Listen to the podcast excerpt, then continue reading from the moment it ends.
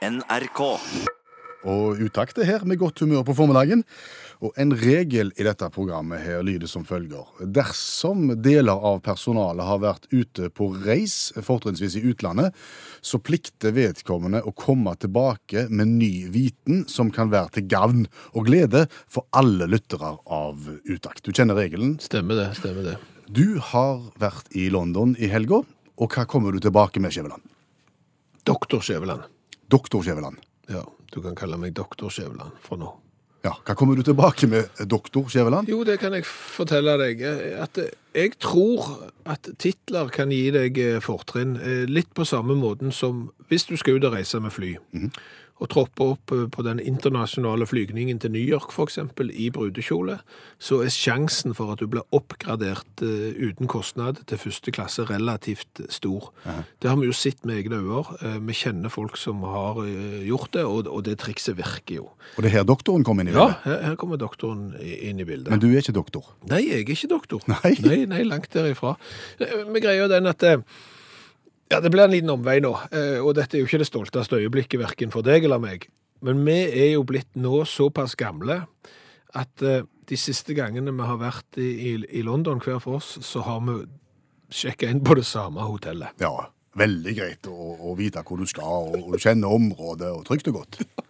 Det, det er så gammelt at det, det, det er nitrist. Men, men jeg var i London i helga, og dermed så var det jo å sjekke inn på et hotell som jeg hadde bodd på to ganger tidligere, fordi da vet jeg jo hva jeg får. Da Ja. vet jeg hva jeg- det ligger, og er veldig greit. Ja, ja, ja. Ja, ja. Trygt og godt. Men det er jo en annen ting eh, med meg, det er jo at jeg er jo relativt gnien. Ja, altså du er jo en raser på billige hotellrom og, flyreiser og den slags. Du har noen nettsider der som bare du kjenner til, og som gjør at du veldig ofte kommer godt ut av det. Ja, altså jeg, jeg er jo ikke interessert i å betale mer for ting eh, enn jeg strengt tatt må, iallfall ikke hvis det ikke er fjernsyn eller musikkutstyr. Eh, Og dermed så var det jo sånn at eh, den billigste jeg fant på dette hotellet, det var på hotellnettsida sjøl. Så det jeg bestilte jo absolutt det rimeligste rommet de hadde. Ingenting ekstra. Overhodet. Økonomi, økonomi, økonomi sto det der. Betalt på forhånd, oh, yeah. ingen avbestilling.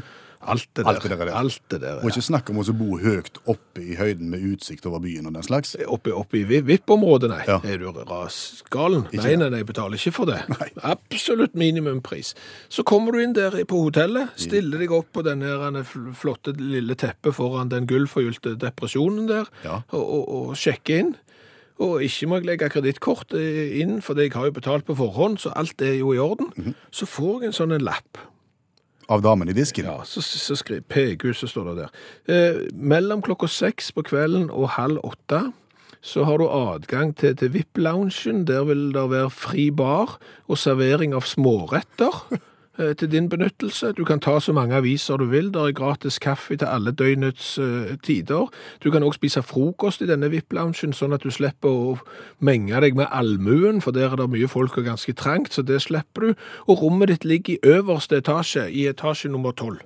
Med utsikt over byen. Ja, med utsikt ned mot Earls Court. Dette fikk du. Dette fikk jeg. Dette hadde du ikke betalt for. Nei, og jeg begynte å lure på hva i all verden er det nå jeg har Ja. bestilt. Jeg prøvde jo å være gnien her og ikke legge mer enn jeg, jeg måtte i dette. her. Ja, vurderer du da å si at dette kan ikke være meg? Er du såpass ærlig? Tenk, eller tenker du «Hoho, jippi», Jeg kikker på kvitteringen. som du får? Ja. Og på kvitteringen så står det Doktor Bjørn Olav Skjæveland. Der kom doktoren, ja.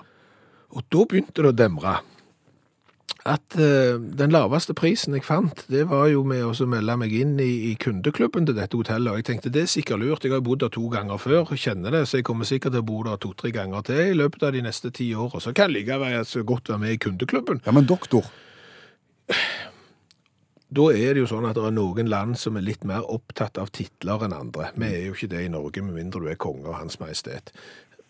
Så når den der nedtrekksmenyen kom om Mr., Mrs., Miss og alle de der greiene der, så har jeg alltid hatt lyst til å kalle meg selv for doktor. for Altså, det, for det var, et, det var en, en mulighet å Ja. huke for doktor. Ja, det er sant. Hva har jeg å tape? Det er jo ingen som sjekker det. Samme det er greit. Jeg krysser krysset av for- for doktor bare for gøy. Jeg, vips, så står det jo doktor, doktor Bjørn Lars Skjæveland.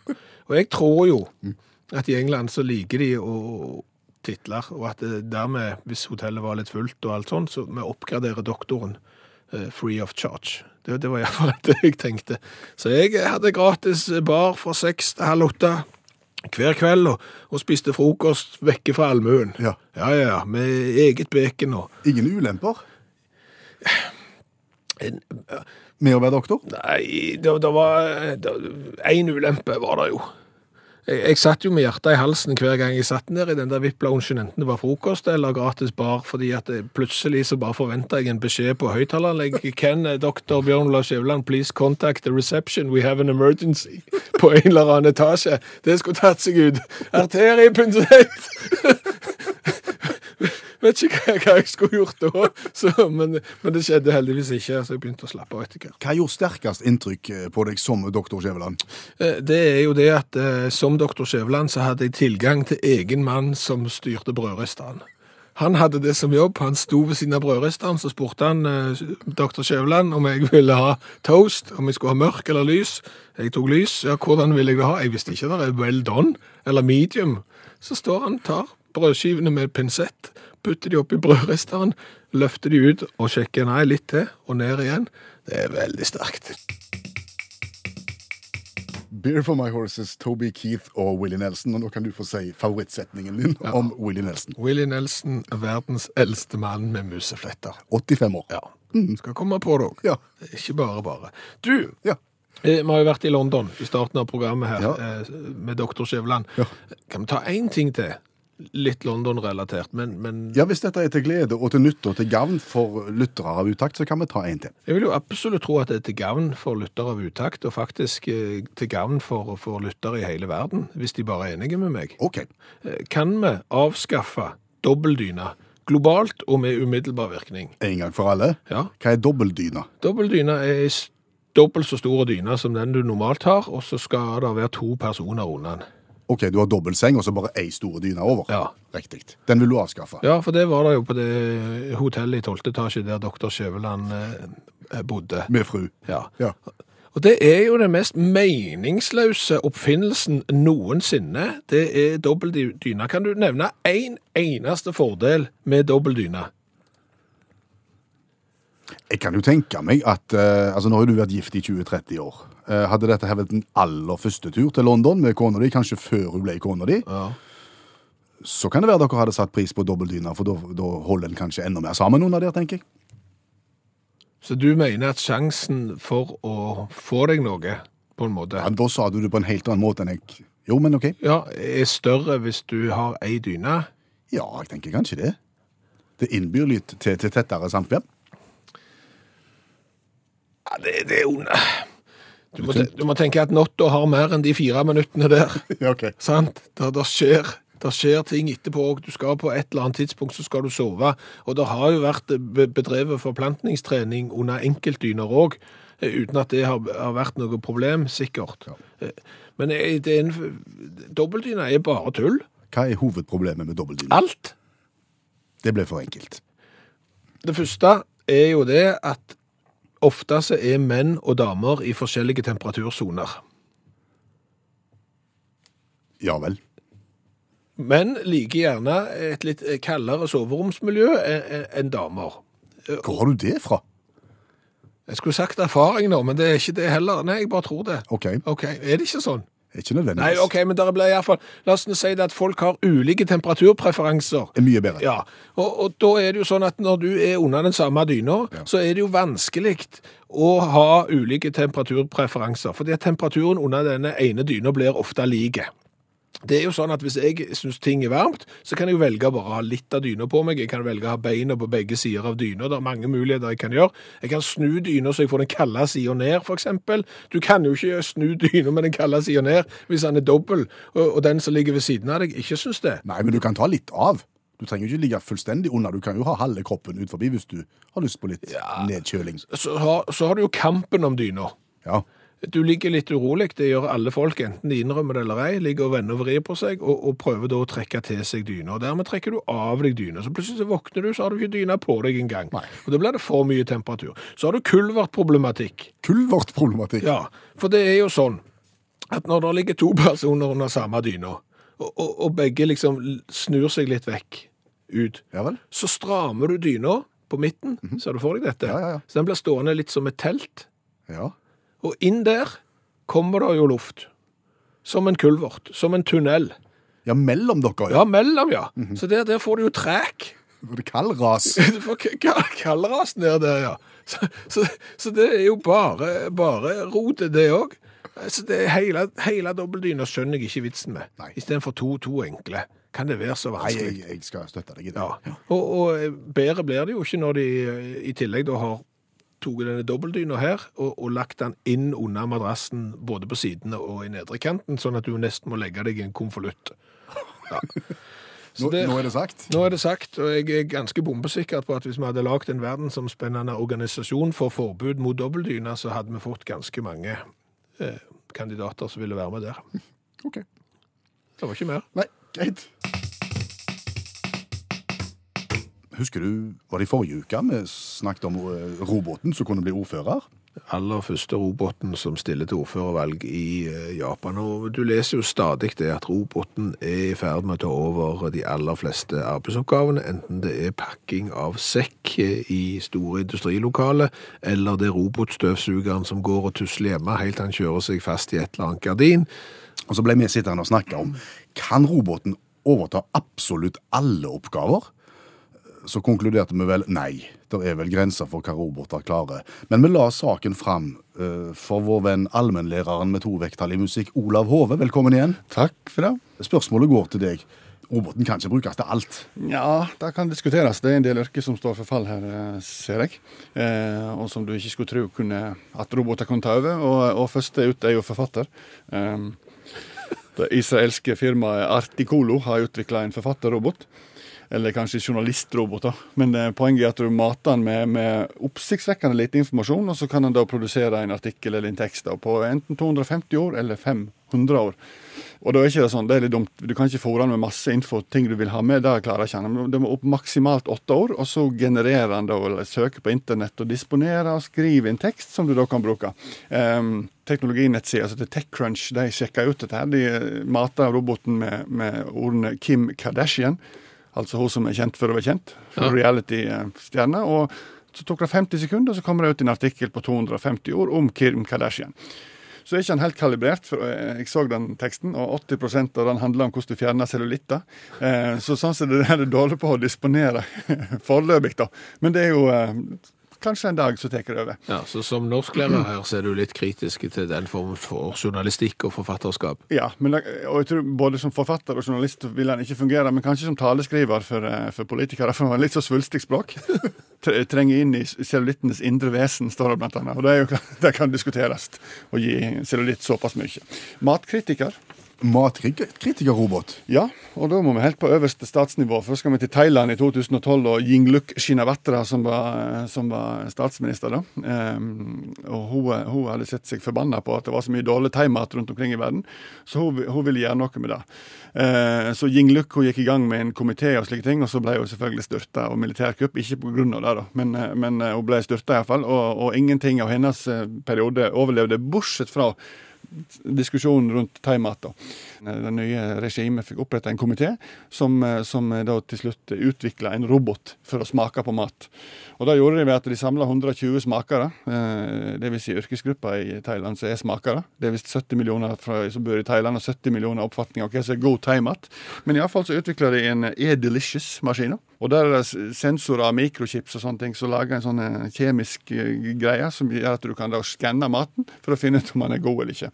Sikkert litt skummelt hvis du ikke eget restaurant og de kommer trillende inn med en sånn maskin og, så, og sier eh, foreløpig så er det bare ti-tolv retter, da. Og de mest eh, signaturtunge rettene okay. som kan sjekkes ut. da. Ja, Men sikkert pad thai. Ja. Matkritiker er og så er det Munch. Eh, Jeg vet ikke om de har vært borti robot Munch, men det er altså kommet. Eh, jo, det er i den buddhistiske delen av verden. Altså Japan, eh, der har de, har de eh, kommet. Hva gjør robotmunken? Han gjør akkurat det samme som de andre. Han sitter helt i ro og tenker seg om. Ja, det er en del av det. Men det er Langquan-tempelet utenfor Beijing da, de har fått utvikla roboten Janner. Eh, og han kan gjøre to ting. Han kan forklare grunnleggende teser rundt den buddhistiske tro. Enten muntlig eller ved at du trykker på den lille iPaden som han bærer rundt på. Eller han kan framføre lange mantra. Og mantra skal du ikke kimse av, vet du, for de er både kraftfulle og tunge, og du kan havne både i transe og annet jævelskap hvis du framfører det for mye. Og hvis du er robot, så er det jo, er det jo aldeles strålende. Men han ser koselig ut. sånn 90 cm høy, gul kappe, skalla. Men, men målet, sier klosteret, det er å nå ut til de mennesker som mer, har mer kontakt med sin smarttelefon enn sitt indre selv. Så gjelder det jo faktisk sånn rundt 6 milliarder mennesker på den jorda. Faktisk. Og ikke minst, han er asket. Han lever i sølibat. Så han oppfyller, han oppfyller de aller fleste kriteriene. Jeg er ikke sikker han lever i sølibat, for det finnes jo nemlig òg nå sexroboter. Så hvis sexroboten et eller annet hiver seg på denne munkeroboten og prøver å forføre han og få han vekk fra alle mantraene sine Ja. Vi må si han bringer nye perspektiver inn i studio. Absolutt. Denne allmennlæreren med to vekttall i musikk som heter Olav Hove. Tusen takk igjen. Du, kan jeg spille av et lite intervju som jeg hørte i radioen her nylig? Eh, Det er en kar som heter Jonny Sigurd, eller Sigurd Jonny Hansen, eller eh, populært kalt Sig Hansen, som snakker. Kjenner oh, ja. du, kjenner til han? Ja, eh, han er da kjent fra TV-serien Deadliest Catch eh, på Discovery Channel. Han er verdenskjente der. Han er krabbefisker. Eh, og så har han vel aner fra Karmøy. Mhm. Så til de grader. Han har foreldre derfra og, og vokst opp i et hjem hvor han har snakket Karmøy-dialekt. Så selv om han ikke har bodd noe særlig på Karmøy sjøl, bortsett fra litt på ferier og sånn, så snakker han fantastisk Karmøy-dialekt sånn innimellom det amerikanske. Oh ja, men, men hvorfor har vi et intervju av han? For han var nylig i Norge for å snakke om et nytt produkt som han skal lansere. Det handler om no, noe sånn spesialmat som du kan ha i teiner når du skal fiske krabbe, i stedet for død fisk. Okay. Hør hva han sier, Sig Hansen. Vi har prøvd så mange uh, forskjellige sorter med, med agen i Alaska. Og det er det som teller. You don't catch crab without the bait. Men er dette bedre enn uh, sei og makrell og sånn vanlige agn? Jeg skal, nei, jeg skal aldri si at det er bedre eller vanlige agn. ikke sant? That's not fair. Men jeg tror det på en måte er bedre for at uh, it's natural and sustainable. Sant? Så da bruker du ikke matfisk for, å uh, uh, uh, uh, tegnemat. Det er en sang som heter 'Det går på engelsk og norsk'. Engelsk på norsk. Ja, ja, men, men han har aldri bodd i Norge. Altså, Han er ikke født og oppvokst i Norge, Sig Hansen. Etter det jeg har grunn til å tro, nei. Nei. Men så snakker han krav Karmøy-dialekt. Bortsett fra når han skal på en måte vektlegge ting og, og, og si ting tydelig. Ja. Da switcher han over. Ganske imponerende. Men, men du som eh, du er ikke fra Karmøy, men ikke langt derifra. Er det, det er en 100 Karmøy-dialekt? Som jeg kan høre, ja. OK. Ja. Så jeg hadde gjetta på at dette er en mann som bor der. Det er ganske tøft. eh, Fordi at eh, det er jo andre nordmenn som ikke trenger å bo frykt, fryktelig lenge i utlandet, så har de jo mista det norske språket helt. Det har vært mange sånne TV-serier der du besøker nordmenn som har gjort det stort i, i utlandet. Og har de bodd i Los Angeles i tre kvarter, så har de slutta å snakke norsk. Da har de glemt det ut. Det er ikke sånn med seg, vet du.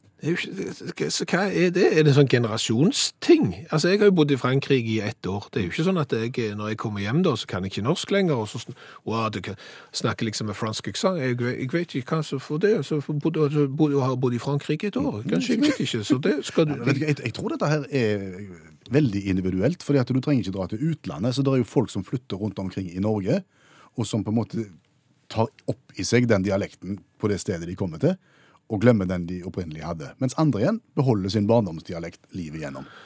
Store deler av slekta mi er jo fra Sørlandet. Ja. og- Og Sørlandet, det var jo sånn at eh, hvis du var fra Sørlandet, så flytta du til USA på et tidspunkt. Eh, Bestefar min og de var vel tolv stykker, og jeg tror 13 av hans søsken eh, emigrerte til USA Ja. for å få seg jobb. Og de har jo da kommet tilbake til Norge med ujevne mellomrom. Da lever du i USA, du bor og jobber der, du snakker med kollegaer på amerikansk, og når du kommer tilbake igjen, så snakker du norsk 100% sånn som dialekten var når du reiste. Det blir litt rart, for det er noen ord som har kommet til, og noen ord har jo forsvunnet i løpet av 70 år, men, men de klarer å holde på dialekten allikevel. Og så er det noen som bare Ja, du, jeg har glemt å snakke. meg. jeg snakker ikke på norsk, for jeg har ikke bodd i Norge siden i juni. Faktisk. Det er jo Det var Meatloaf, og hvis du syns at 5 minutter og eh, 23 sekunder Meatloaf var mye, så Så er albumversjonen, den som kom ut på plata, den er 12.05, tror jeg. Så dette var bare et utdrag. ja, det, det er bare en skisse til løsning. Og nå kommer det en sang som er betydelig kortere, nærmere bestemt 27 sekunder.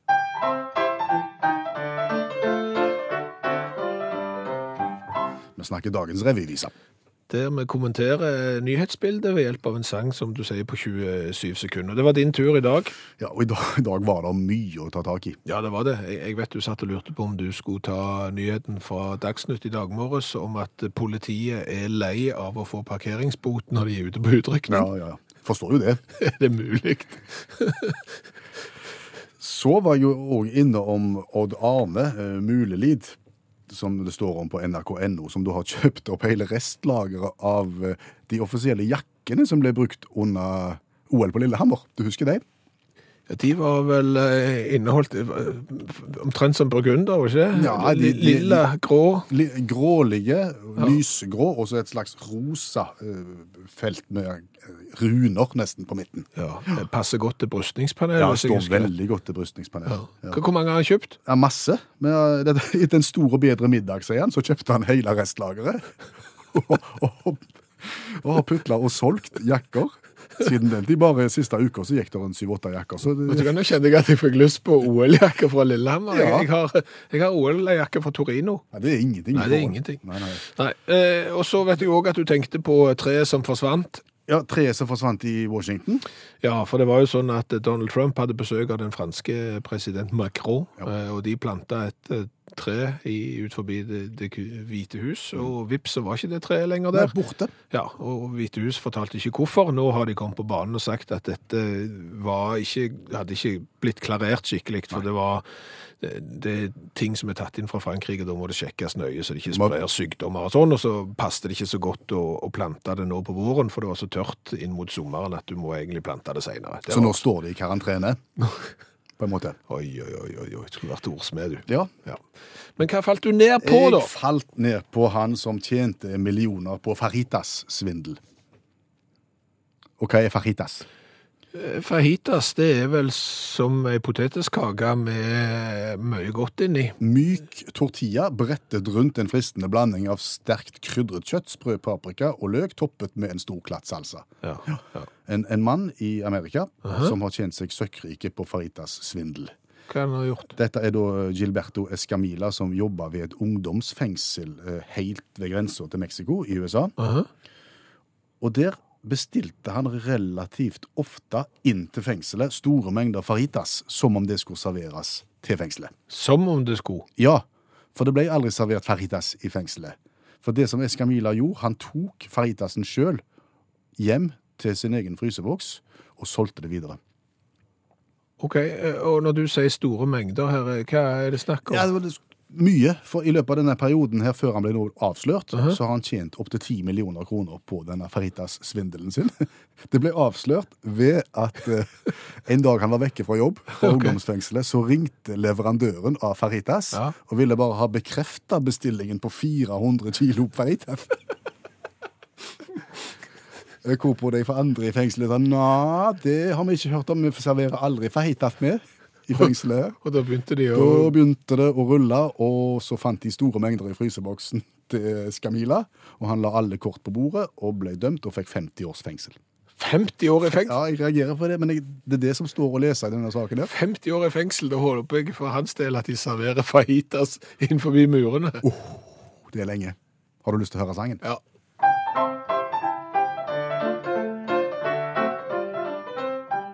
Det med taco på fredag er veldig populært og kan bli lønnsomt, det tenkte Eskamila. Men så ballet det på seg med svindel og bedrag, og tilbake sitter han og er fortvila. Men du kan ikke fra straff og fengsel fritas når du har fryseboksen full av falsk fajitas. Ingen jobb, ingen penger, men 50 år i bur, ja, det var straffen meksikanerretten ila. Hva har vi lært i dag? Åh, vi har lært ganske mye i dag òg. Jeg har jo lært at eh, dobbeltdyna er litt som norsk politikk. Eh, Der er steile fronter. Om eh, dobbeltdyne er en god idé eller ei. Ja, eh, jeg mener jo, og du òg mener jo at dobbeltdyne det bør avskaffes globalt. Eh, Kari fra Lindås er helt enige, og, og Sissel mener at eh, dobbeltdyne er første steg mot eh, skilsmisse. Vigdis uh, syns det er pyton med dobbeltdyner, spesielt å skifte dynetrekk på de. De er store uhamslige. Eh, mens Marte syns jo at trikset er å ha to dobbeltdyner.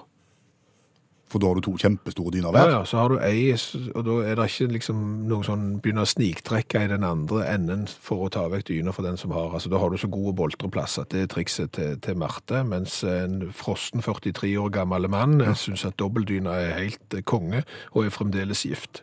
Ja. Så det får vi jo bare støtte oss til. Stig har jo et veldig innspill her i, i dobbeltdynedebatten som vi ikke har helt tenkt på.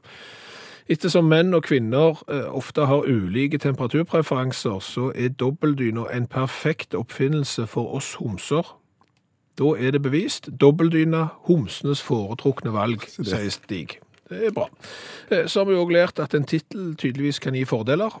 Du kalte deg for Dr. Skjæveland ved hotell i London og ble oppgradert Ja. til bedre rom. Bedre rom og fri bar og frokost utenfor allmuen. Det var midt i blinken. Eh, Så har jeg lært av Arnstein at Sig Hansen. Sig Hansen, ja, mannen fra Discovery Channel og Deadliest Catch, eh, han eh, snakker Han lærte seg norsk. Han er ikke født i Norge. Foreldrene og besteforeldrene er fra Karmøy, men han lærte seg norsk før han lærte seg eh, engelsk. Så han er vokst opp i et norskspråklig hjem. Og snakker kav eh, hvis han vil. Ja, og har da soknet til The Norwegian Fisherman's Diet. Som er Det er når du er på sjøen, så skal du ha kaffe, sjokolade og sigaretter.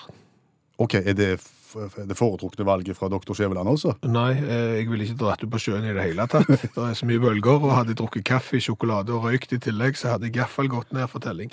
Eh, Så har jeg jo lært helt til slutt at eh, strafferammen i USA er jo helt andre enn i Norge. Ja, ja, ja. Hvis du over en lang periode stjeler fajitas for en del millioner kroner, så får du 50 år i fengsel. Escamila fikk 50 år i fengsel for fajitas-svindel. Men er et fengselår i Amerika det samme som et år? Eller er det litt sånn katte- og hundeår? Ja, det kan godt hende det er som hundeår, ja. At du må dele det på syv. Ja, det er allikevel mye. Det er mye uansett. Hør flere podkaster på nrk.no podkast.